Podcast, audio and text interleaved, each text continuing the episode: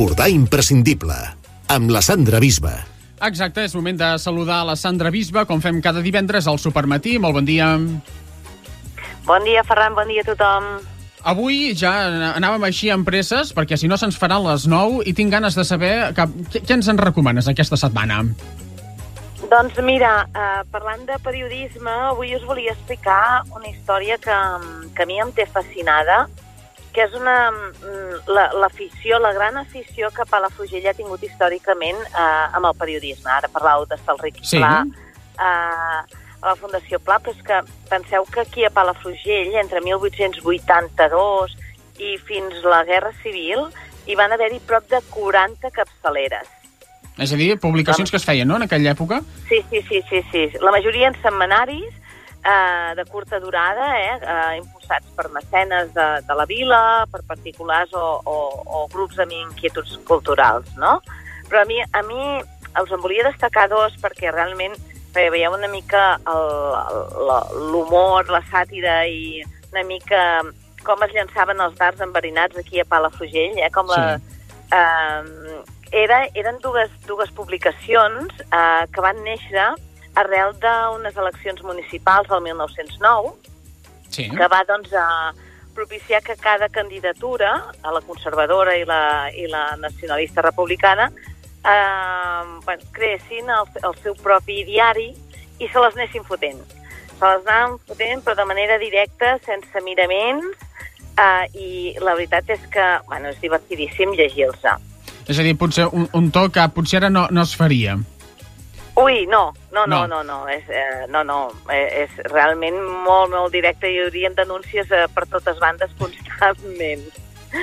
constantment. Mira, la primera, la Pebrera, neix el 18 de setembre de 1909, Uh, és un setmanari, ja es diu ell mateix, satíric, humorístic i literari, uh, vinculat a la candidatura dels republicans. Uh, al darrere doncs, uh, teníem un personatge que pagava, que era Joan Vergés i Barris, i llavors en aquesta època tots signaven una mica amb pseudònims, eh, Amaniel Bròquil, Salvi Pebre, Pebre eh, el Quefe de la Claca, el doctor Pastetes, val? i eh, de, es dedicava a burlar-se una mica de la vida quotidiana de la vila, eh, amb molta conya, eh, i, i, i, i anant-se fotent doncs, amb l'altre candidat, no? I arrel d'això, doncs, l'altre candidat, que era Joan Miquel Avellí, doncs eh, crea La Bugadera. Mm? Sí. Que La Bugadera era un periòdic higiènic d'avisos i notícies i que avisa que farà bugada quinzenal si no hi ha accés de brutícia. Què vol dir això, eh? És a dir, la... Estava ben clar, estava ben clar, sí, eh, no dissimulàvem pas gens. O sigui... I, i bueno, digue'm, No, no, digues, digues. Que el primer, eh, fa molt de riure perquè el primer capítol, o sigui, el primer eh, número que, que surt, eh, ja apreten fort, no?, i ja surt una esquela de la pebrera, eh? O sigui que ja, doncs, la, la, ja l'enterren, no? Vull dir que co comença així, no?, aquest diari, amb la clara missió de fer desaparèixer la pebrera. O sigui que és això, no? Anàvem forts. To- to- to- Tots aquest, aquestes publicacions, si ara les volguéssim llegir, eh, on les podem trobar? És, mira, és molt fàcil. A l'Arxiu Municipal de Palafrugell ha eh, tota aquesta premsa local està, està en digital, per tant la podeu consultar.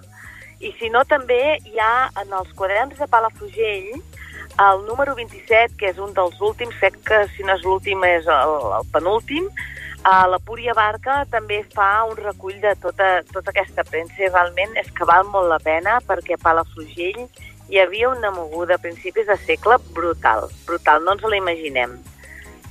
No, a més a més també no, ens, ens de- deu permetre fer una mica de visió de, de com era el poble, com era també la societat en aquell moment, no? i també aquestes indirectes, no? aquests... Uh, bé, indirectes potser no indirectes, era més aviat directes, no? Mm, Directes, ben directes, ben ben directes.